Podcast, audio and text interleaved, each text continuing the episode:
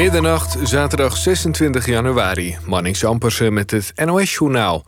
De Oekraïense president Zelensky verwacht dat de Russen vannacht... een grote aanval zullen uitvoeren op Kiev.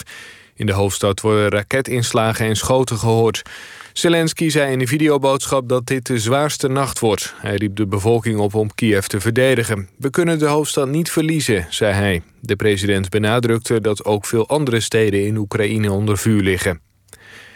De VS stelt persoonlijke sancties in tegen de Russische president Poetin en minister Lavrov van Buitenlandse Zaken. Het gaat onder meer om een inreisverbod.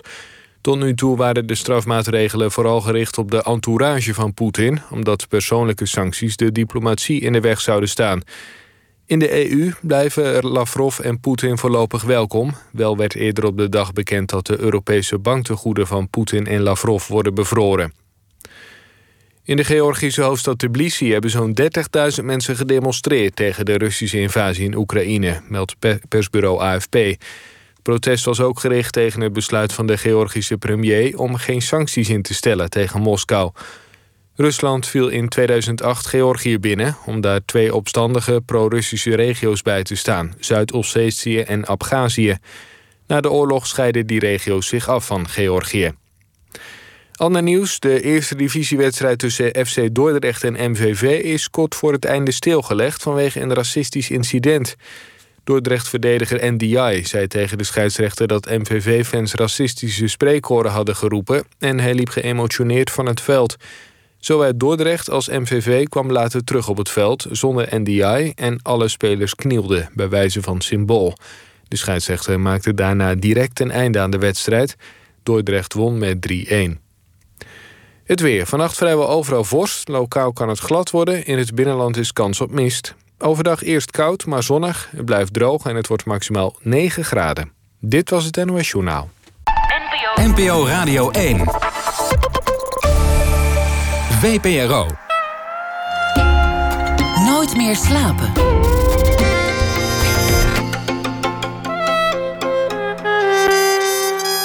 Met Atze de Vriezen. Goedenacht en welkom bij Nooit meer slapen. De Salto Mortale. De Salto Mortale van Willem. Die herinner ik mij het meest als ik denk aan al die gouden opposite shows van rond 2013. De Salto Mortale vanaf de allergrootste podia van Nederland. Want ik weet niet of u beseft hoe ver en hoe hoog een sprong is van het hoofdpodium van Pinkpop of Lowlands. Dat is echt heel ver en hoog. En mijn gast van vanavond stond ernaast. Shirt uit, dat pezige lichaam in de zon. Twan van Steenhoven, alias Big Two, alias die lange van dat populaire hip-hop duo. Ze zagen eruit alsof ze onaantastbaar waren. En een jaar later was die opposites ineens klaar. Twan en Willem gingen allebei hun eigen kant op, werden vader, zakte in een dal, krabbelde er weer uit. En Big Two die maakte twee soloplaten over zijn volwassen leven. En hij begon aan een tweede jeugd met zijn protégé Antoon. Dat is nog even gaande, daar gaan we het zeker over hebben. En toen zou het weer gebeuren. Die opposites zouden weer samen optreden. Eerst vorig jaar op Lowlands. Ging niet door. Nee. Gaat alsnog door als het goed is. Ja. En toen zou het deze week gaan gebeuren. Woensdag, donderdag en vrijdag. Vandaag dus. In de gashouder. En dat ging ook niet door. Nee. En volgens mij ging het jaar daarvoor met Lowlands ook niet door. Dat ging... Dus, dus die is al drie keer... Ongelooflijk. Ja. Maar even, Twan, leuk dat je er bent. Hi, leuk om hier te zijn.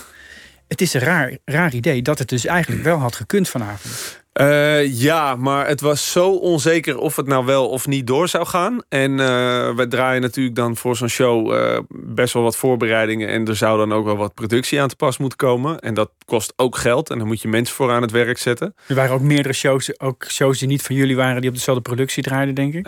Nee, oh, dat weet ik eigenlijk niet. Ja, dat zou wel kunnen, ja. Maar dus dit was, draaide in eerste instantie nou, dat weet ik eigenlijk niet. Dat zou goed goed. kunnen. Maar goed, vanuit ons uit was het in ieder geval zo van... ja, gaan we dan nu, daar, wat, wat moeten we doen? Ja. En eh, dat werd maar korter en korter van tevoren... totdat we op een gegeven moment moesten zeggen zo van... ja, oké, dan moeten we nu gewoon zeggen... we stoppen ermee. Hoe lang geleden heb je die knoop doorgehakt? Dat weet ik niet. Ik weet dat hij heel lang in de twijfel hing. En eh, ik laat dat eigenlijk eerlijk gezegd allemaal een beetje bij de boeker. Omdat Ja. ik zoiets heb van, jongens, ik hoor het wel. Ik hoor al twee jaar het ja wel, Lowlands, niet Lowlands, gashouder wel, wel niet. Ik, ik, eh, als ik me maar- eraan vastgehouden, dan zou ik er heel zenuwachtig van worden. Dus ik heb zoiets van, ik hoor het wel wanneer ik op moet komen dagen. En dan, eh, dan merken we het wel. Want, uh, dan kijk je wel met een beetje dubbel gevoel, neem ik aan, vanavond, toch? Ja, maar ik ben niet zo. Uh, ik ben niet zo van dat. Ik vind optreden echt heel erg leuk. En waarschijnlijk tien jaar geleden was ik helemaal gek geworden. Ja? Uh, maar ik, ja, het, nee, op boeien. ja, ik heb, ik heb gewoon zoiets van, ja joh, dat doen we toch later dit jaar. Is toch ook gewoon goed. Ik kan, ik kan, me, ik, ik kan me dat aan de ene kant voorstellen. Aan de andere kant, je zegt al, Lowlands twee jaar geleden inderdaad was Ja. het al de bedoeling. Ja. Ik kan me ook voorstellen dat je dan op een gegeven moment denkt van... ja, eh, jongens, laat maar. Momentum is weg. Nee, dat denk ik helemaal niet. Nee, ik heb echt super veel zin om op het podium te staan. Lijkt me echt ontzettend leuk. Maar ik ben ook wel echt enorm bewust van dat het gewoon eventjes niet kan. En dat het gewoon zo is. Nou, nu kan het dus weer wel. Dus dan gaat het ook weer gebeuren.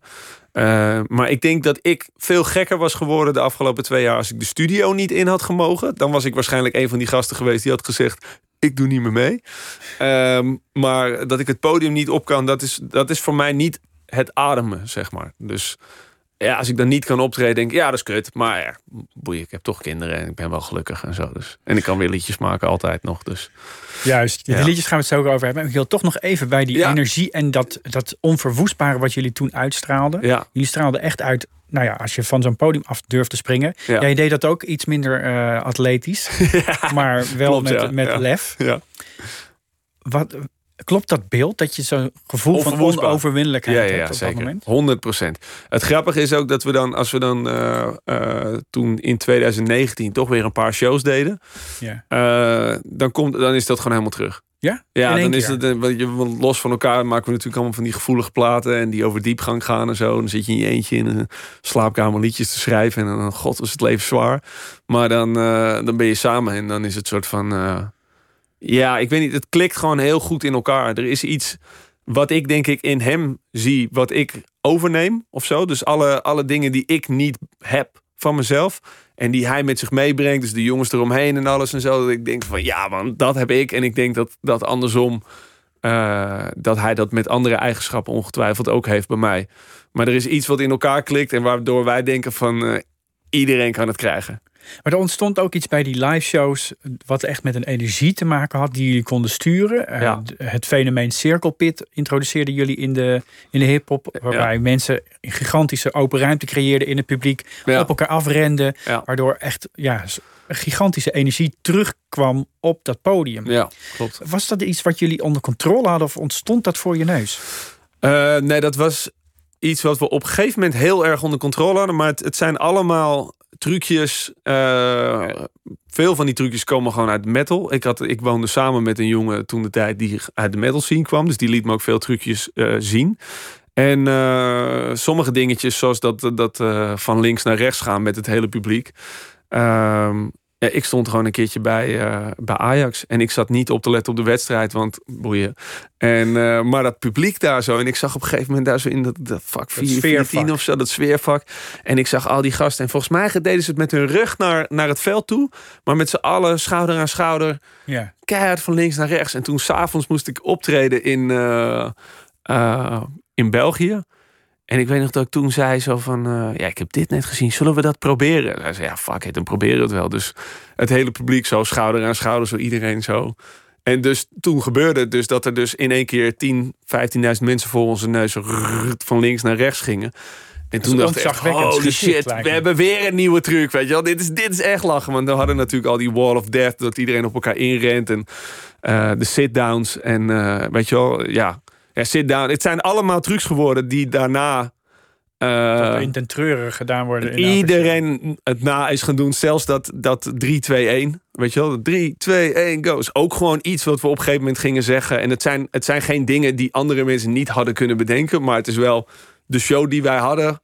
Is daarna wel gewoon een soort van de 3, 2, 1 show. eh, gingen ze het op een gegeven moment noemen. Waarbij al die trucs voorbij kwamen.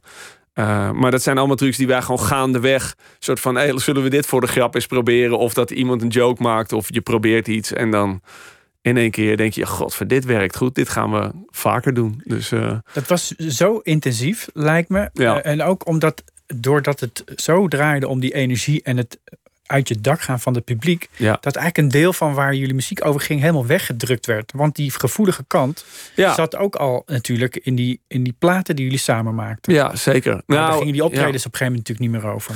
Nee, en kijk, uiteindelijk in de kern waren wij ook wel, denk ik, een echte hip-hop act. Toch eigenlijk wel. Die echt boom bap, 95 beats per minute, old school samples, West Coast, East Coast-achtige dingen. En eh, ik denk dat wij op een gegeven moment een soort, voor ons een soort niche vonden. Zo van, oh, dit werkt heel goed op podiums van eh 20.000 mensen. Eh, maar die andere kant was voor ons natuurlijk ook nog steeds even eh, belangrijk. Ja, dat is niet iets wat je per se op het podium doet. En je gaat ook niet inderdaad die gevoelige liedjes op het podium doen. Eh, maar het is ook niet iets wat ik erg vind of zo. Dat we dat niet op het podium staan te doen. Ik vind het ook wel echt leuk. Zo van, oké, we zijn hier en eh, let's go. Knallen. Ja. Gewoon alles ondersteboven spelen. Ja, ja. ja. Als er, in ieder geval als er gewoon een soort, als het iets van energie losmaakt of zo. Als het, als het de mensen ietsje vrolijker naar huis stuurt of meer energized, dan, dan vind ik het wel leuk, ja. Maar dat kan ook op andere manieren hoor. Maar eh, ja, daar geniet ik wel van. En toen ging het licht dus uit. Ja, En toen was even Opposites even helemaal weg, een paar jaar. ja. Hoe, hoe is het eigenlijk weer gekomen dat het weer terugkwam? Wie, wie kwam met het voorstel? Ehm, wij, eh, ik kreeg op een gegeven moment, eh, werd mijn vriendin werd zwanger. En ehm, toen voelde ik in één keer, eh, ik zat bij de echo. En toen kreeg ik zo enorm de drang om, om te delen met de wereld. Van ik wil gewoon, ja, dat gevoel van papa is de sterkste man op aarde. Dat, dat, ah, dat kwam uit mij eigenlijk. Dus ik wilde gewoon heel graag eh, weer op het podium staan. En aan Amsterdam en aan de wereld laten zien van ik ben er nog. En ik wilde op mijn borst kloppen en, en, en deze liefde delen met de wereld. En eh, Maar wacht even, dus op het moment dat je even, juist even de wereld zich vernauwt tot jou en je vrouw en ja. ongeboren Ja. kindje, dacht jij, nu wil ik de wereld weer veroveren. Ja, nou ja, kijk, het, het is geen geheim dat uh, mijn muziek, die, die soloplaat die ik eh, in 2018 kwam hij uit, denk ik. Maar Ja. ik had hem iets daarvoor al geschreven. Eh, dat ging voornamelijk, en als je bij de Opposites muziek luisterde, ook al jaren eigenlijk, best wel veel over verlies de hele tijd. En, en rouwprocessen en zo. En, eh, en daar ging het nu niet over. Dus dat ja, bracht voor mij enorm nieuw leven. En eh, eh, ja, dat moest ik gewoon uiten. En dat voel ik nog steeds zo. Dat is gewoon, die, die knop is weer aan. Ik vind het gewoon fijn om op het podium te staan. Ja. Ja. Want je, want je bent wat dat betreft wel even de diepte ingedoken. Zowel in de muziek als in je leven. Ja, ja zeker. Ja, moest wel ook. En het, de diepte, maar ook eventjes gewoon, denk ik, eh, eh, sowieso gewoon geografisch eventjes weg uit Amsterdam. En eh, ik ging in een huis terug in Heilo wonen, wat midden in het bos stond. En ik vond het wel fijn om even afstand te nemen en even overzicht. Zo van, oké, welke eh, aspecten in mijn leven zijn gezond en waar moet ik gewoon afstand van nemen. En ja, gewoon even overzicht eigenlijk weer creëren. Waar heb je afstand, afstand van genomen, afscheid van genomen? Nou, ik ben. ehm, eh, Ik bedoel, het is nooit. In mijn hart is het nooit permanente keihard een, een knip geweest of zo. Maar ik had, eh, ik had heel erg de mentaliteit zo van: als ik nu wakker zou worden in mijn leven. en ik zou niet eh, gekoppeld zijn aan een platenlabel of management, eh, boeker, whatever. Voor welke mensen zou ik dan nu kiezen? Voor welke partijen? En, ehm, Zakelijke partijen heb je het Zakelijk over. heb ik het dan nu even over, Ja. inderdaad, ja. Eh, ook op persoonlijk gebied hoor, was dat ook eventjes gewoon alles, gewoon mijn hele leven eigenlijk onder de, onder de loep nemen. Ehm, maar ja, wat zou, wat zou ik dan nu kiezen? Want dit is waar ik tot nu toe in beland ben en zo is het gewoon gelopen. Eh, maar ja, hoe, wat zou ik dan nu willen? En dus eh, toen heb ik gewoon eigenlijk vrijwel alleen maar nieuwe partijen eh, gekozen, op zakelijk gebied dan. Ja. En ook je muzikale partner, dus eh, Willem, dus afgekapt. Daar had je ook mee door kunnen gaan. En kunnen zeggen, kunnen we niet een ander pad inslaan samen? Ja, dat had gekund op zich. Ja. Ja. Waarom, waarom deed je dat eigenlijk niet? Nou, omdat het even niet klikte. Gewoon het, eh, ik weet het niet. Het was gewoon, de energie was gewoon off. En ik, ik weet het niet. Ik, ik was er gewoon niet. Ik was gewoon niet daar. Ik voelde het gewoon niet. ik, ja, het is gewoon. eh, en ik heb hier natuurlijk jarenlang over, over nagedacht. Want overal waar je gaat, is dat waar mensen je van kennen. En het is voor mij het belangrijkste wat ik heb gedaan met mijn leven, weet je wel. En ehm, eh, ja. En ik heb het zo vaak proberen te, te verklaren. Maar er waren zoveel lagen en redenen waarom het op dat moment gewoon eventjes stuk liep. En waarom we even moesten zeggen, nu even niet. Eh, dat ik gewoon denk van dat was gewoon helemaal meant to be. Want als het het een niet was geweest, dan was er wel een andere reden, eh, reden geweest waarom het niet doorging. Dus Maar je ging Ja. ook echt terug naar Heilo, hè? want daar ben je opgegroeid. ja. En je ging wonen in het huis dat van je opa en oma was geweest. ja, ja, zeker. Die op dat moment allebei overleden waren? Ja, Kort zeker. daarvoor. Ja, In nee, feite- niet kort daarvoor, al, al jaren wel daarvoor. Ehm, Hoe is dat, is dat huis in de familie gebleven? Of heb jij het ja, kunnen nee, dat, is- kopen? dat was toen van mijn eh, moeder. Ehm, want zij had dat samen met haar broer een soort van voor de helft overgekocht en voor de helft eh, geërfd, volgens mij. En, eh, maar mijn broer, of haar broer, was ook overleden. Dus toen was zij de eigenaar van het huis. En eh, ja, toen wilde ze het gaan verhuren en toen kon ik erin. Wat betekende dat? Nou, het- dat gaf een stukje geborgenheid of zo. Eigenlijk op het moment dat ik het gevoel had... Ja, het begint nu wel een heel down verhaal te worden. Eh, we hebben ook hele leuke tijden gehad met de opposites. Dat mag ik wel even Ja, bij dan gaan, we zo, dan gaan we zo weer Ja. terug naar de... Ehm, maar op dat moment had ik wel heel erg het gevoel van... oh, iedereen houdt gewoon alleen maar van me vanwege de opposites. En ehm, het imago wat we hebben is iets wat ik heel erg deel met Willem. Dus het is ook heel erg Willem waarvan je nu denkt... weet je wel, zo- zo'n gevoel had ik. Is niet per se wat misschien realistisch was, maar... eh, als ik dan ergens met uitgaan was of zo... en dan automatisch werd ik daarover aangesproken... dan eh, ja, ik werd daar gewoon onzeker van. Ik was niet zeker genoeg van mezelf. Had niet genoeg liefde in mijn hart voor mezelf of van mezelf. Om te denken, wat leuk dit. Maar ik kon alleen maar denken zo van... oh, maar jij vindt me alleen maar leuk voor dit, weet je wel. En eh, toen ging ik in Heilo weer terug wonen in het huis van mijn grootouders. Wat een soort van... eh, Heb je herinneringen liggen? ja, heilige grond en een, en een plek van... ik voelde me altijd heel erg geliefd door mijn grootouders. En eh, ja, dat voelde toch wel een soort van geborgen. Wat waren dat voor mensen? Ehm, nou, ik lijk heel erg op mijn opa. Ik denk eh, iemand die heel erg de boel onder controle wilde hebben. Angstig, enorm creatief, zakelijk heel sterk. Daar ben ik wat minder goed in. Eh, hij was de directeur van, eh, eh, van, een, van een fabriek, maar volgens mij een lijm, lijmbedrijf. Dus Velpon kwam onder, onder andere. Eh, Zeta Bever. Dus je ziet het nog wel eens op van die. het bestaat nog steeds, het merk. Dat kwam uit, uit de familie. Ja, precies. Maar en, ja, als, en mijn grootmoeder was. ze waren allebei heel erg slim. En mijn grootmoeder was heel heldhaftig geweest in de Tweede Wereldoorlog. Dat is het vetste wat ik altijd erover kan zeggen. En heel erg, erg lief. dat, is, dat zijn verhalen die je nog verder opklopt dan dat ze in werkelijkheid al waren, lijkt me. Als je trots bent op je oma dat ze iets heldhaft- heldhaftigs heeft gedaan in de oorlog. Dat ik, dat, dat ik het groter maak dan het is? Nee, dat is, dat is, toch, dat is toch mooi om aan Oh, andere mensen te vertellen. Ja, ja, ja, Nog zeker. mooier te maken dan het. Nee, zeker. Maar het is, ik maak het niet mooier dan het is. Die, die, eh, ja, die, die had Wat, wat deed ze dan? eh, Joodse kinderen onderbrengen. En eh, die zat in het verzet, maar ze zat zo in het verzet dat ze het verzet niet had verteld, zeg maar. Dus eh, die deed gewoon helemaal de eigen dingetje. En die, Ja. eh, In, in dat huis? Of nee, niet ander? in dat huis. Dat is pas na de oorlog dat ze dat huis hebben gekocht. Dus in Amsterdam was dit. Dus, dus op een gegeven moment kwam ze op de werk aan. En toen waren net tien minuten daarvoor waren de nazi's daar gekomen om haar op te halen. En dus toen kwam ze daar en toen zeiden de collega's: zeiden, je moet nu wegwezen hier. Eh, dus dat had eh, op het nippertje kunnen zijn. Had ze zomaar meegenomen kunnen worden. Dat zijn wel de verhalen die, eh, waar je aan de lippen van hangt, toch? Als je, Zeker, zeker. Ja, we kregen dit ook allemaal als kleine kinderen kregen we dit allemaal verteld. Weet je, waarvan ik achteraf ook wel eens denk van het zijn best heftige verhalen geweest.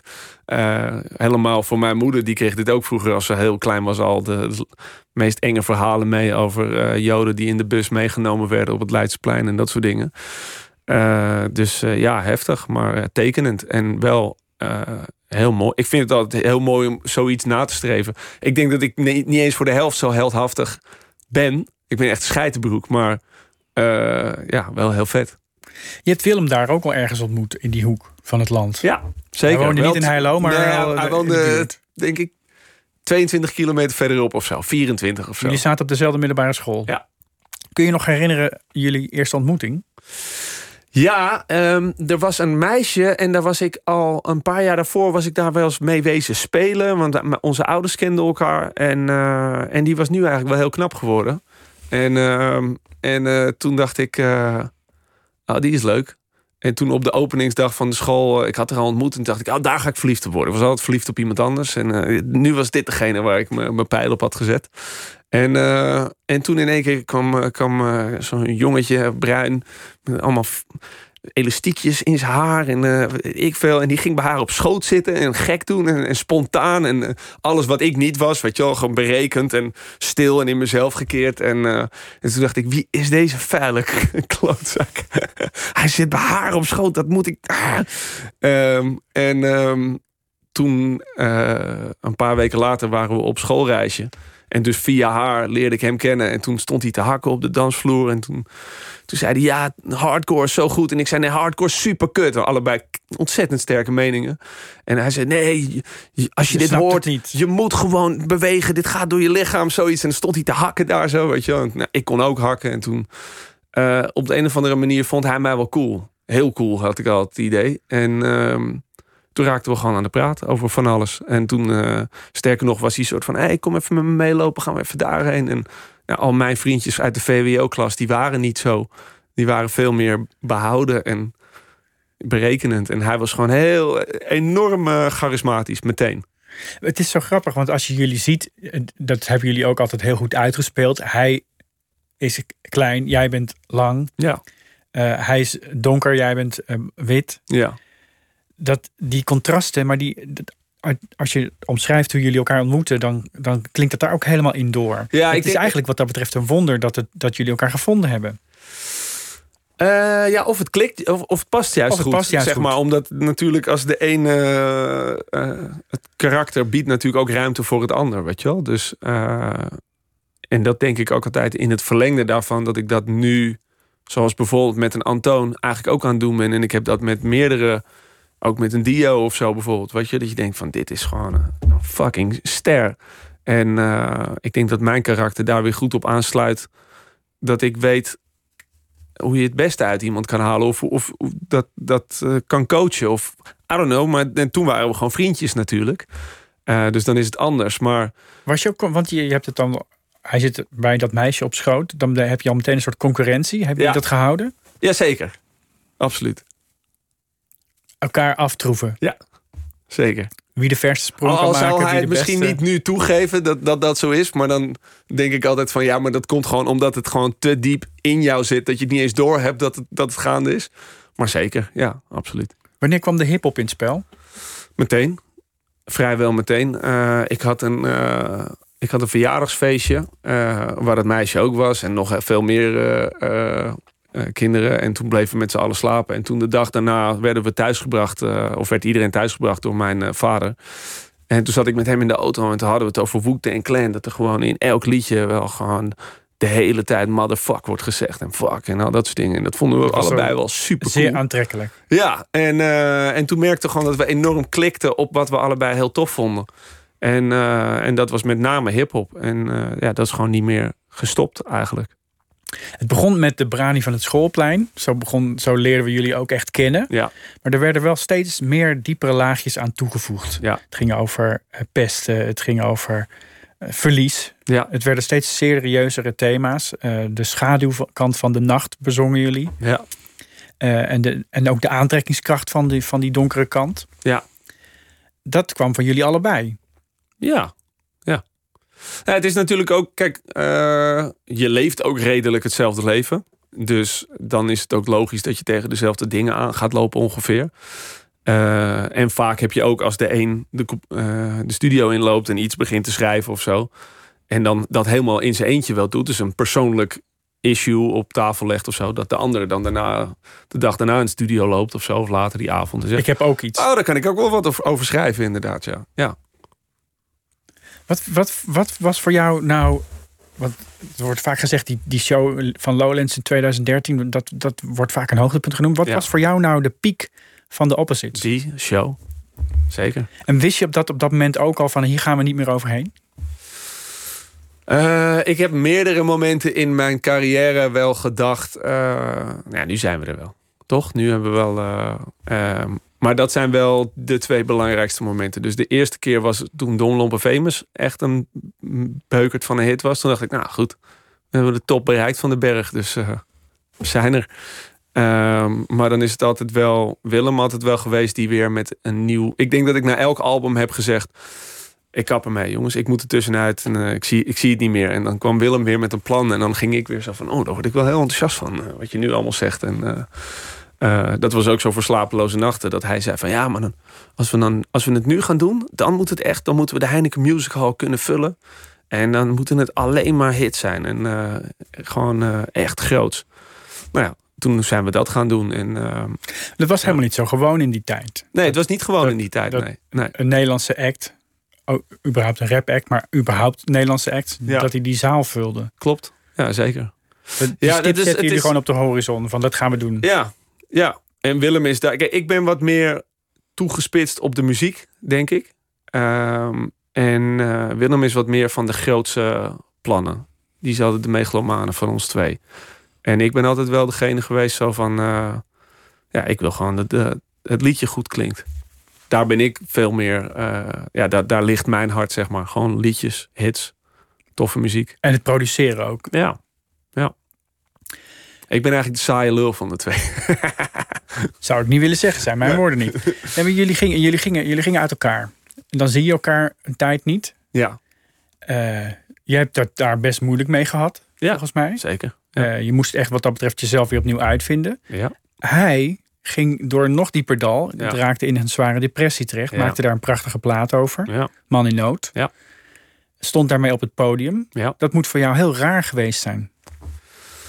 Uh, ja, en pijnlijk. dat van een afstandje te zien. Ja, ja zeker. En er staan ook, ik bedoel, uh, uh, ik krijg je ook in sommige liedjes ook van langs. Dus het is ook niet fijn om naar te luisteren.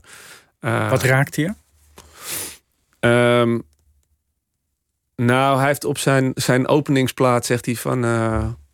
Je woorden matchen niet met je daden. En die was aan mij bedoeld, omdat ik, hij, omdat ik wel ging optreden, maar niet, maar niet met hem wilde optreden. Dus hij had zoiets van, ook het, is, het is een ego-ding. En ik zei, het is geen ego-ding. Ik moet even mezelf vinden. Maar, hij had zoiets van, je wilde niet meer optreden. Waarom doe je het dan nu wel zonder mij? Waarom doe je het wel in je eentje dan, of zo? En dat, Snapt hij dat? Ik snap, ja, nou, het was, ik had al eerder het idee dat hij dat moest snappen van mij, zeg maar. Zo van, ja, je moet van mij snappen dat ik dat nu even dit pad wil bewandelen. En jij zegt het was geen ego-ding. Nee, zo, nou ja, ongetwijfeld zal het een ingrediënt zijn geweest, maar ik heb niet het idee dat dat een ego-ding was van mij. Nee. Nee. Want je hebt het zelf natuurlijk ook. Uh, wat... Weet je wat ik toen de tijd had? Dus ik dacht ik altijd zo van. Uh, want we hadden natuurlijk allerlei mensen eromheen. En uh, in Amsterdam ook, weet je wel, die hele scene en alles. En dacht ik altijd, oh, het is zo makkelijk om te zeggen dat het een ego-ding is. Omdat ik eventjes nu mijn eigen pad wil kiezen. Want het alternatief was dat ik depressief was.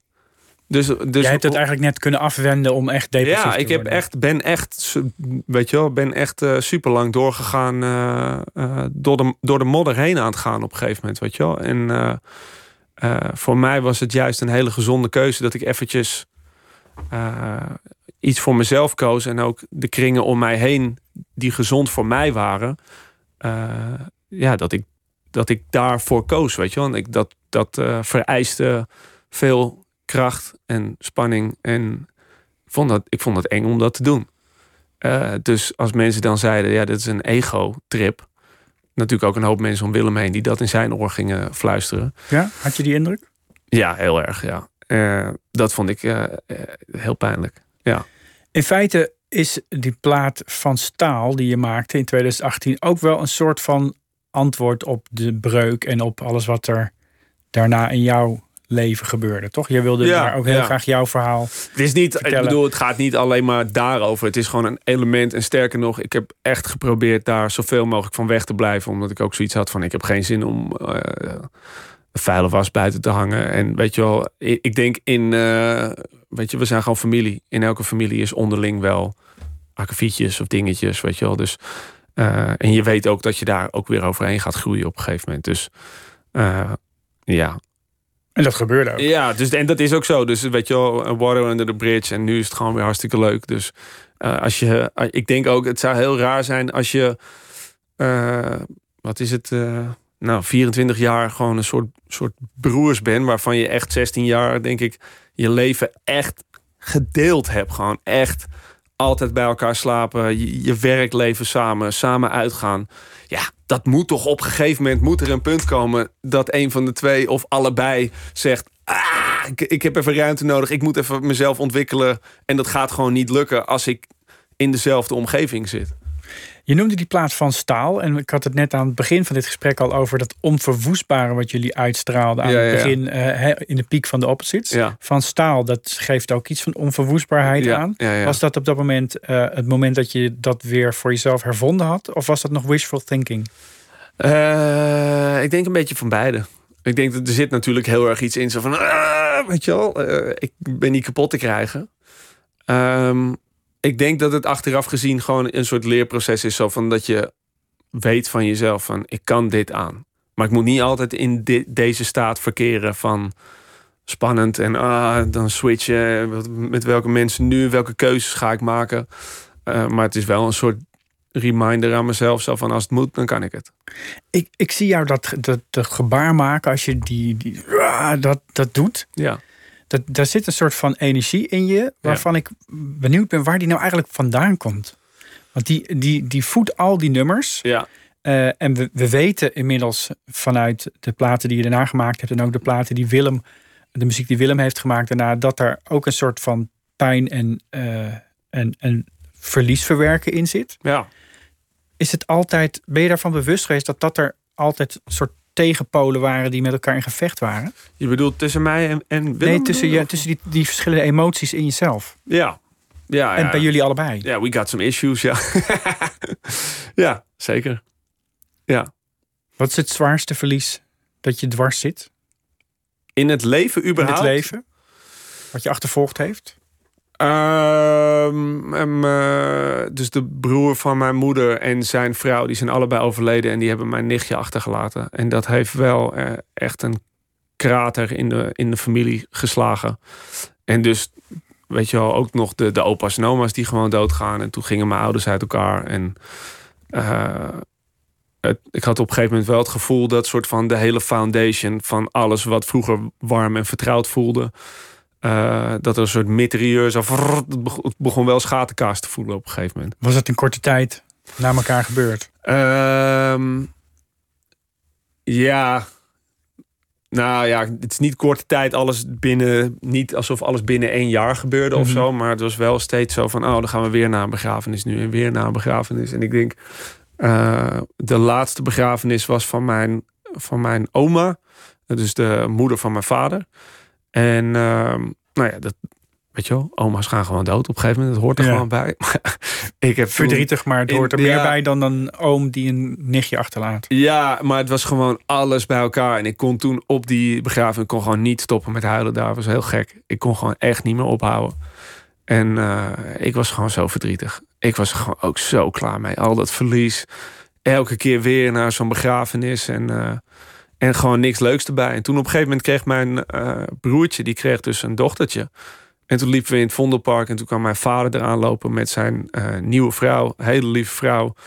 En, uh, en ik was daar en ik weet niet wie er nog meer bij was, maar ik voelde in één keer zo, zo alsof er zo'n kan met geluk over mijn hart heen werd gegoten. En ik dacht in één keer, oh, dit gevoel, dit heb ik echt al tien jaar niet gevoeld of zo. Of acht jaar niet. Het gaat al acht zo jaar. lang? Ja, het, weet je, het gaat.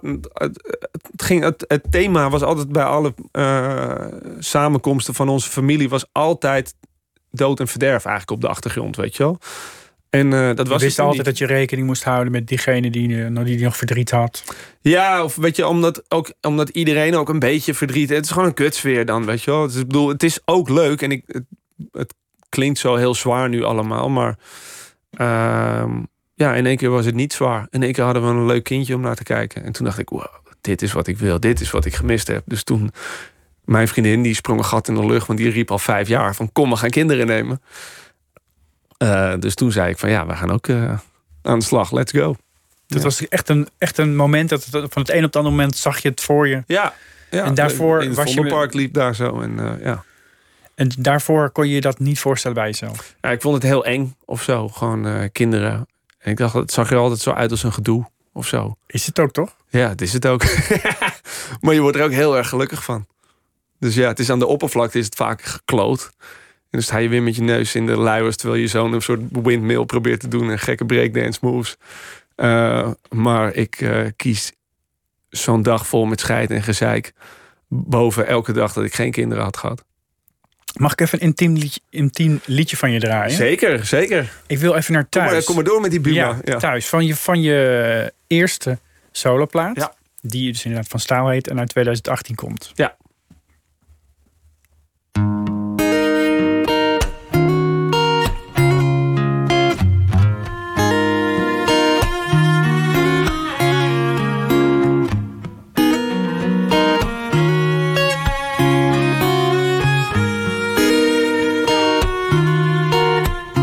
Yeah, echte players worden nooit verliefd. Zelfs niet in het aanzicht van een hele mooie vrouw. Gelukkig was ik altijd al een nerd en kan ik openlijk zeggen: ik ben helemaal dol op jou.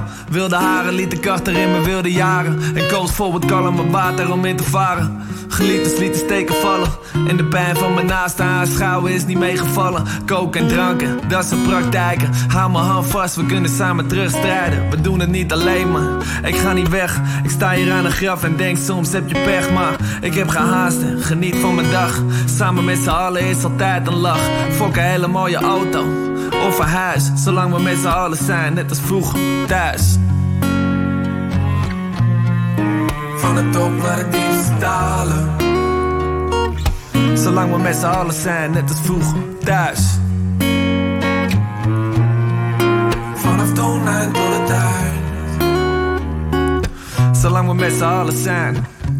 Ik begrijp mijn tweede oma, tranen lopen. Want zometeen moet ik mijn big toe verkopen. Ben zo in de war, zo in de war. Is dit nu mijn leven als een star? Condoleance moet mijn tranen inhouden. Die jongen aan de bar kijkt me aan van hey ouwe. Word voorgesteld aan mensen die wat tickets willen scoren.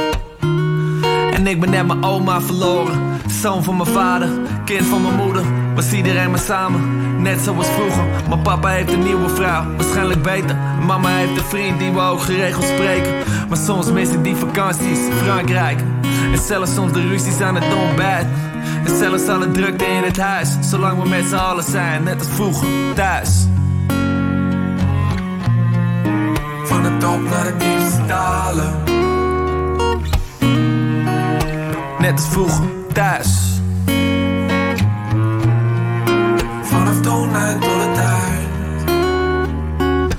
Zolang we met z'n allen zijn. Heb ruzie met mijn vrienden, hoofdstuk apart. Gedraag me als een dik, ook al zit je in mijn hart. Ik word ineens wakker en ik pas er niet meer tussen. Het alles zo diep nadat wij de hemel kussen. De kamer zo leeg na een volle paradiso. Gevangen in mijn hoofd als ik moet doen als een pipo. Want ik ben dit imago niet. Moet er even tussenuit, dit gaat zo niet. Honderd jongens om ons heen en iedereen vindt ons lauw. Maar ik heb alleen behoefte aan jou. Fuck de shows, fuck de camera's en al that shit. Met z'n tweeën op de kamer was het ook al een hit. Deze droom is een illusie, het is zo vreemd. Sta boven op de heuvel en ik voel me alleen. En ik mis die kleine viespeuk in mijn huis. Zolang we met z'n allen zijn, net als vroeger, thuis.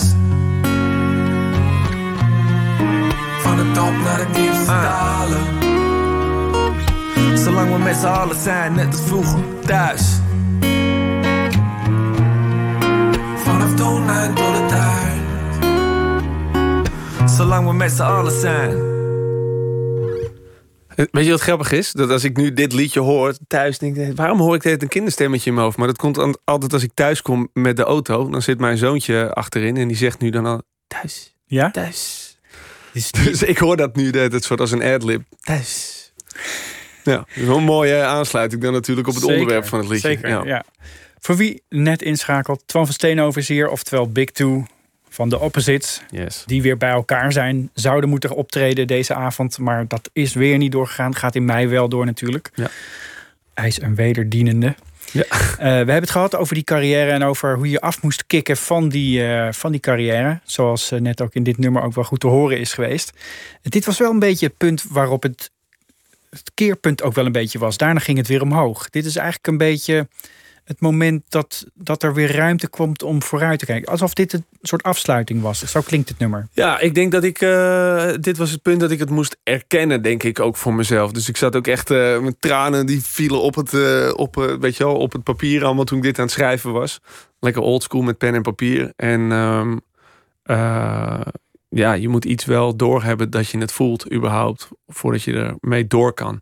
Maar ik denk. Eigenlijk, ik denk de omslag was helemaal daarna gewoon toen mijn vriendin zwanger werd. Want toen, Ja. toen was er gewoon een nieuw leven. En dus daarom heet het album ook New Life. Nieuw, New Life heet de nieuwe plaat die Ja. in 2021 uitkwam. Ja. De- daar klinkt eh, inderdaad eh, bijna alleen maar positivisme op. Ja, het is nog veel erger. De plaat waar ik nu mee bezig word, is, is het echt. eh, want ik heb ook een dochtertje bijgekregen. Ja, Dus gefeliciteerd. nu is het echt alleen maar Lambada en Ta- Take On Me en, en super vrolijk gewoon. Is het zo? Ja. Want er is, er, is- er is echt iets veranderd in je. Ja. Dat hoor je gewoon in die, in die plaat. Ja. Het, het grappige is, als ik er zo naar luister, er is, er is een soort. Je zou een heel apart genre kunnen maken van rappers die vader worden. Ja, En die daar vervolgens muziek over maken. en compleet omslaan. Terwijl dat grappig ja. genoeg in heel veel andere eh, genres van de popmuziek helemaal niet zo is. Als een rocker een kind krijgt, dan maakt hij niet automatisch een nummer erover. Maar rappers doen dat altijd wel. Ja, maar wij hebben zoveel tekst te vullen. Wij moeten hele bladzijden vol schrijven. Joh. Dus dan, eh, ja, dan op een gegeven moment ga je natuurlijk over de dingen die je nu spelen in je leven, ga je dan schrijven natuurlijk. Ja. Tegelijkertijd is er toch op de een of andere manier heel veel moeite met eh, dat omslagpunt vinden. Heel veel rappers hebben op, die, op dat moment in hun leven moeite om de, de nieuwe rol te vinden in hun carrière. Oh, zo, ja, op die manier. Ja, dat snap ik wel hoor. En dat is ook wel iets waar ik ook altijd wel nog wel mee worstel. Zo van, eh, ja, ben ik, ben ik Maar waarom wel- is het eigenlijk zo? Want het zijn verhalen die je vertelt. Ehm, ja, ik weet niet of het. Kijk, het is ook een stukje de leeftijd, weet je wel. Dus, dus dat hele. Ik, weet- dat weet ik gewoon niet. Ik vind het moeilijk om dat te zeggen. Want ik weet ook dat waarschijnlijk als ik de studio in duik met Willem. dat het, dat het gewoon weer helemaal gewoon back to rap life en, eh, en de hardste willen Alles zijn. in de En, fik. ja, Ja. joh, dus kom maar. Ja. Zeker. Maar eh, Hoe ga je nu de studio in dan? Want je zegt je hebt. je ik hebt- ga nu meestal met, eh, met Antoon en met nog een aantal jongens met wie wij liedjes schrijven. ga ik de studio in en dan gaan wij gewoon leuke liedjes zingen. Zo simpel eigenlijk. Ja, gaan we Nou gewoon ja, lekker. wat- Ja, en dan en schrijven we dat met elkaar. En, en hebben heel veel dialoog met elkaar over, over wat we zouden moeten zeggen en hoe het moet klinken. En veel discussie. Je zei net al, soms eh, zie ik iemand, denk ik dat is een superster. Nou, Antoon is dat aan het worden, want die is ontzettend populair geworden het afgelopen jaar. Ja. Hoe, hoe, heb, jij, eh, hoe, hoe heb je hem ontmoet? Eh, ik kreeg een DM van een jongetje en die zei: Hey, jij geeft les bij de Herman Brood Academie, toch? Eh, een jongetje. Dan heb je het echt over ja, iemand hij, van. was eh, 17. ja. Ja, ik dacht eigenlijk dat hij 21 was. Ehm, hij gaat niet blij met me zijn dat ik het nu live on air vertel. Maar eh, de eerste keer dat hij dus bij mij thuis was voor een sessie... toen zat ik dus met een vriend van mij... en hij had ook een vriendje meegenomen. We waren met z'n vieren. En toen zei ik... Hé, zijn jullie 17? Ik dacht 21. En dus mijn eerstvolgende vraag was... maar zijn jullie dan maagd? En toen keek ze, eh, ja, ik wel. En die ander zo, ja, ik ook. Ik zo, jezus, wat vet. En toen kwam mijn vriendin binnen. Ik zeg, deze jongens zijn nog gewoon maagd. Fucking vet. En, eh, en dus toen keek Antoon mij zo aan en zo... eh, ja, vet man. Echt super te gek. Dus, maar goed, dus hartstikke jong nog gewoon. Ja. Heel jong. Ja. Maar dan heb je het over, echt over een andere generatie. Dan heb je het bijna al over twee generaties. Ja, ja, zeker. Ja. Toch? In principe zijn de generatie van Leo Kleine en zo is alweer oud voor hem en Ronnie Flex en zo. Toch? Ja, zeker. Ja. Maar hoe, hoe werk je dan met hem? Dat is een andere verhouding dan je met Willem hebt... met wie je in de brugklas hebt gezeten. Ja, kijk, bij Willem eh, staan wij echt op gelijke voet.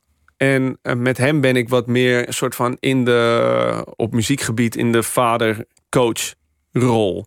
Eh, maar toch moet ik zeggen, inmiddels ook wel gewoon vriendjes. Weet je, we staan gewoon ook toch lekker samen lekker liedjes te maken en lol te hebben. En ook al is hij jong en is mijn eh, verhouding wat anders. Maar je bent letterlijk twee keer zo oud als hij dus. Ja, ja. Eh, misschien Ja, hij haalt je ongeveer, in, ja. hè? Maar Ja, toen je hem leerde kennen... Ja, ja. Hij is nu 20 inmiddels. Dus Ja, ja, dan ga je ik ben meer kennen. 36. Ja, dus, ehm, maar nee, ja, het is ook wel, het is wel grappig inderdaad. Want ik denk er ook wel eens aan van, wow, ik begon met hem te werken toen hij 17 was. Maar ja, de kwaliteit ligt er niet om. Kijk, hij, Eh, een van de eerste liedjes die hij liet, liet horen was uh, Hyperventilatie. Dat is Nou een grote hit de- geworden. die staat nu op eh, 30 miljoen streams of zo, volgens mij. Dus, en toen was hij 17. Ik heb het idee dat werken met hem voor jou ook wel weer een soort van bevrijding is. Eh, ik noemde het net in de, in de introductie een tweede jeugd. Ja. Als ik jou met hem hoor eh, rappen, Ja, dan denk ik... Oh, die, die man die denkt, ik ben 35, ik kan niet meer. Met Willem, die is ook 35, ik kan niet meer rappen over alles in de fik steken en naar de club gaan, want zo ben ik niet meer. Maar als je ja. met en voor hem mag werken, ja. dan mag dat eigenlijk gewoon wel, want dat is hij wel. Ja, nou, ik moet zeggen, er zijn eh, heel veel schrijfsessies waarbij ik enorm intap op alles wat ik ooit heb meegemaakt. 15 jaar geleden of vijf jaar geleden of whatever. Dus soms gaat het heel erg gewoon over nu. Eh, maar wij schrijven ook samen heel veel liedjes over allerlei dingen die ik gewoon eh, heb-. Als het voor, voor een Big Two plaat is wat ik met hem schrijf, dan is het vaak over herinneringen van vroeger. Want het moet natuurlijk ook iets zijn waar hij het in kan vinden. Of eh, je merkt gewoon in de kamer waar mensen op aanslaan. Dus ja, maar ik vind het fantastisch. Ik vind het superleuk. Dus het is inderdaad ook een soort. Het is niet, ja. Wat, Het is gewoon, het leg is gewoon eens- heel erg leuk. Gewoon. Leg eens uit, wat is dan zijn talent? Hij is zoals zijn vader, die beschreef dat ehm, heel erg perfectionistisch. Maar eh, het is grappig, als je met hem in de studio zit, dan heeft hij vaak. Het lijkt wel alsof hij een soort van eh, door de chaos heen het pad ziet. wat er bewandeld moet worden of zo. En dan klikken, klik, klik. en Hit. Oh, hè? Wow. Hoe, hè, wow. Hoe kan het nou dat altijd als we met jou de studio ingaan, dat we aan het einde van de avond een hit hebben? En als het niet een hit is, is het op zijn minst of een single eh, waarvan je denkt dat het misschien een hitje zou kunnen zijn, of ehm, wel een nummer wat sowieso uitgebracht gaat worden. En dat is, eh, ik heb heel lang heb ik allemaal platen gewoon echt helemaal helemaal in mijn eentje gemaakt. Toen ik natuurlijk helemaal op, opnieuw begon. Eh, en daar was het gewoon bij 9 op de 10 platen zo van ja, maar dit ga ik nooit uitbrengen. Maar dat lijkt me iets heel geks, want jij bent ook in, je, in, de, in de, de tijd dat alles vanzelf ging bij Opposite, schreven jullie ook de ene na de andere single. Ja. En dan is dat een, dat lijkt me een soort magie die je zelf niet eens kan vatten. Nee. Ik weet ook nog wel dat eh, ik heb ooit een keer een interview gezien met Noel Gallagher van Oasis, Ja. die dan gevraagd werd eh, waarom die dan zoveel goede B-sides had geschreven. Ja. Voor, voor de, in de tijd dat ze echt goed waren. Ik zei, ja, het kon niet op. Alles wat we schreven was Ja. goed. Dus ja, dan bracht het maar uit als. B-side. Ja, ja. Ja. Als we hadden geweten dat het op had gehouden, dan hadden we ze er bewaard. voorzichtig mee. eh, ja. ja, dat heeft we ze bewaard voor de volgende plaat. Antoon heeft dat nu ook. Dus hij heeft nu vandaag een liedje uitgebracht. En dat gaat helemaal door het dak. En dan volgende week, omdat er gewoon te veel, te veel single opties zijn. Volgende week komt hij nog een liedje. En dat wordt dan niet de officiële single. Maar dat zou net zo goed een gigantische hit kunnen zijn. Dus ja, Maakt soms... ook niet meer uit wat officieel de single is en wat niet, toch? Nee, maar het is wel tijd. natuurlijk je focuspunt van dit brengen we naar de radio's en dit moet naar Spotify bovenaan staan. Van dit is de focuspunt, willen jullie alsjeblieft dit liedje in de, in de playlist zitten. Dus het is wel strategisch gezien, wat gaat zoveel mogelijk mensen bereiken. Eh, dus ja, Ik wil er even een draaien van waar jullie samen op Ja, staan. ja. Namelijk leuk. Ja. Om, om even aan te geven wat een ongelooflijk contrast het is met die plaat die we net hebben gedraaid. ja zeker. Ja. Nu is het allemaal beren gezellig. Ja. Toch? ja, zeker. Ik zou je zoveel willen vragen. Is dat je vriendje of je vader? En ik wil echt niet op je haten. Maar hoe kom jij toch aan zoveel knaken? Ik zie je altijd pull up in een Mary Benz Met vriendjes om jou heen. Je hebt een veel te kleine dag Met een diamanten chain Want die jas is mijn salaris En die schoenen mijn tv. Dus ik vroeg mij af van voor een werk jij deed? Ben jij een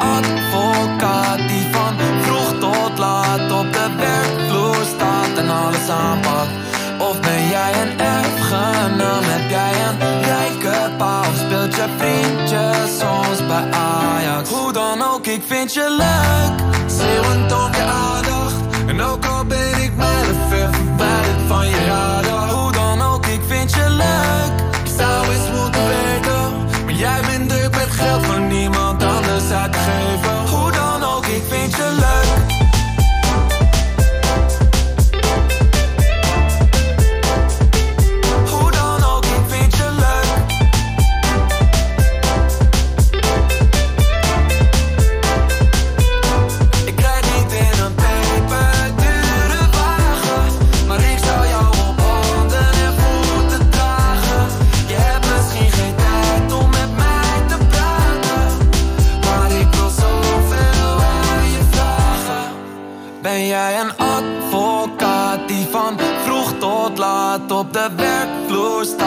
alles aanpakt? Of ben jij een erfgenaam? Heb jij een rijke pa? Of speelt je vriendje soms bij Ajax? Hoe dan ook, ik vind je leuk. Schreeuwend om je aandacht. En ook al ben ik met een flip, van je radar.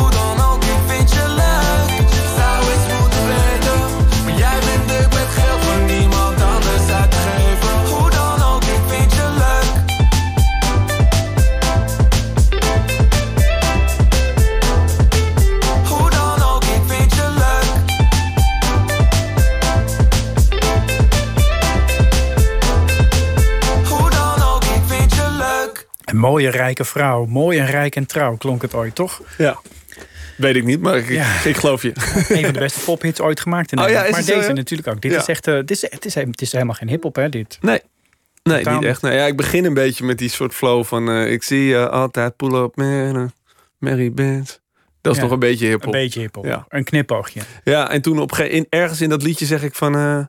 wat is mijn salaris en die schoenen mijn tv. Maar dat schoenen mijn tv, dat vond iedereen een beetje... en ik zelf ook wel een beetje country klinken. Dus toen dachten we op een gegeven moment van... wat nou als we dat, Een dat klepje doen? Want het was, een, he- het was gewoon een soort disco beat eigenlijk eerst. En, eh, en toen was eh, Geronimo, onze toetsenist, die zat er ook bij. En die begon in één keer dat gitaartje te spelen. En toen, toen was het in één keer een soort country-achtig liedje geworden. Ik weet niet eens hoe je dit moet noemen. Een soort western country-achtige shit. I don't know.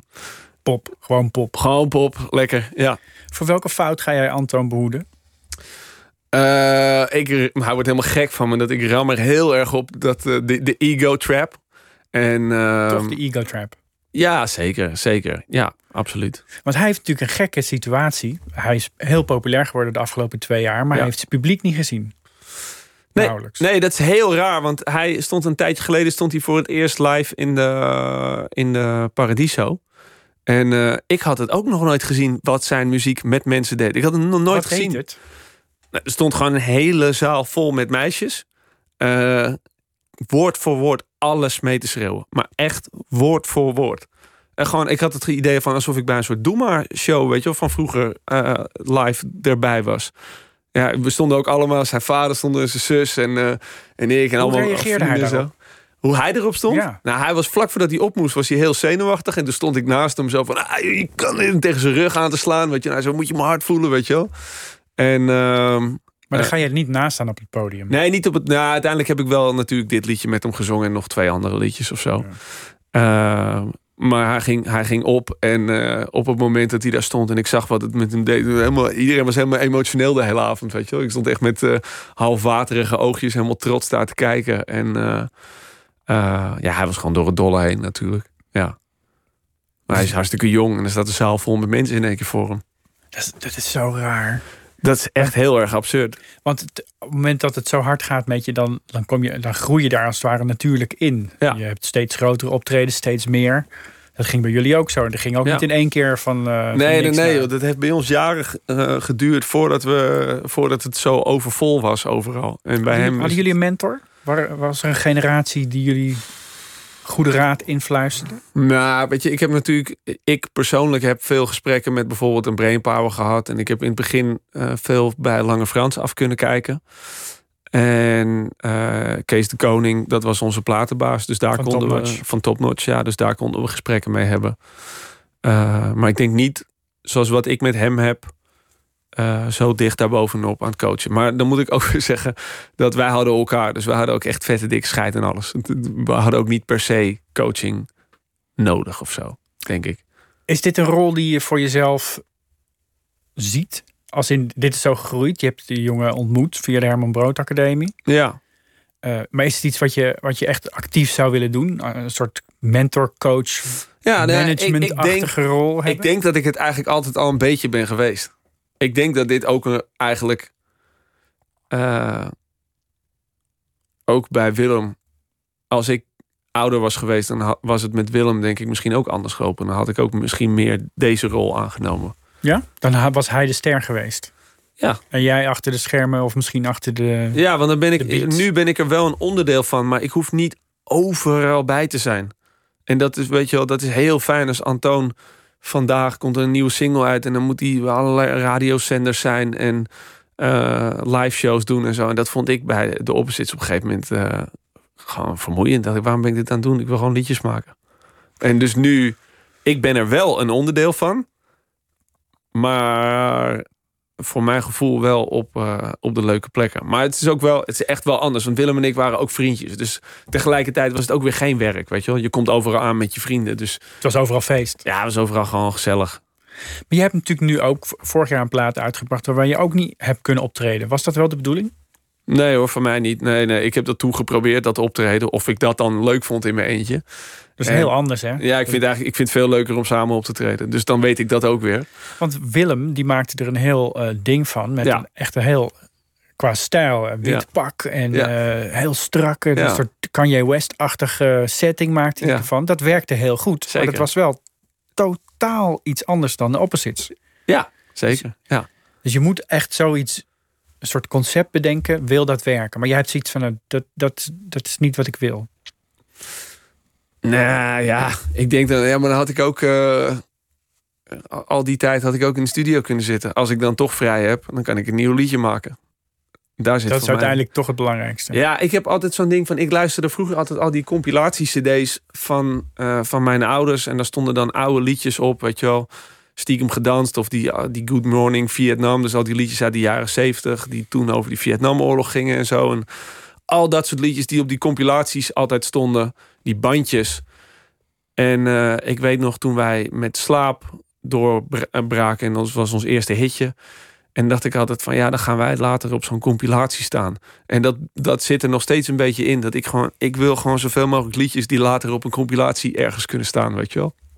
Eh, in mijn hoofd. Dus ehm, ja. Het bestaat niet meer, hè, compilaties. Nee, maar ja, whatever. Je, je, gaat wel, je kan wel de geschiedenis in Ik gaan had met zo'n zo zo'n zo'n compilatie pop in je moerstaal. Ja. Er stonden al die doe maar een toontje lager. en. Zo'n compilatie is er nooit verschenen van jullie generatie hip-hop bijvoorbeeld. Nee, dat is niet meer. Nee, dat, ze hebben het nog wel eens geprobeerd, maar het verkocht voor geen meter.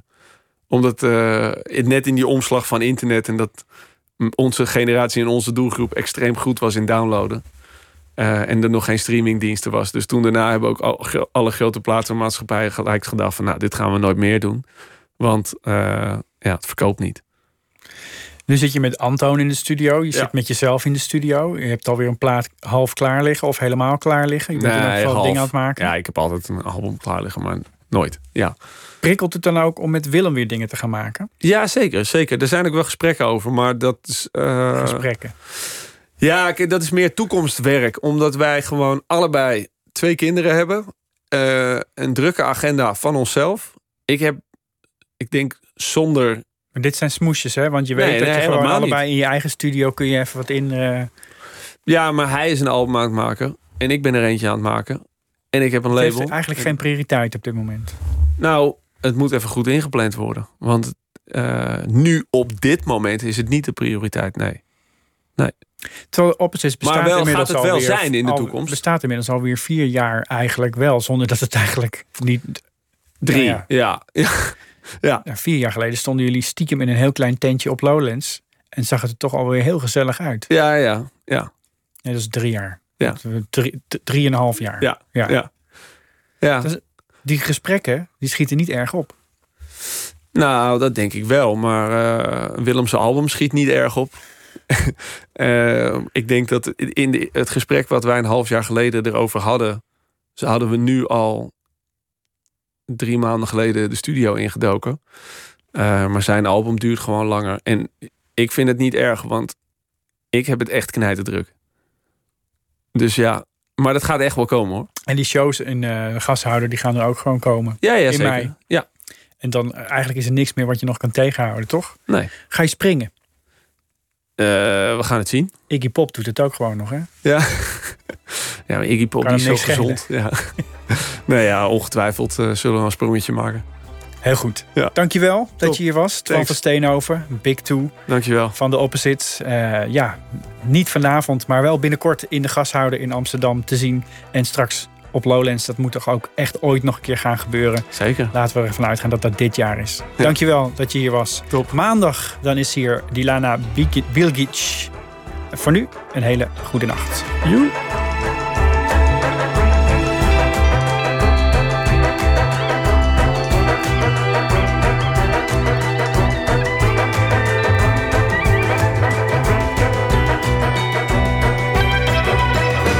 NPO Radio 1. Wie luistert, weet meer. NPO Radio 1.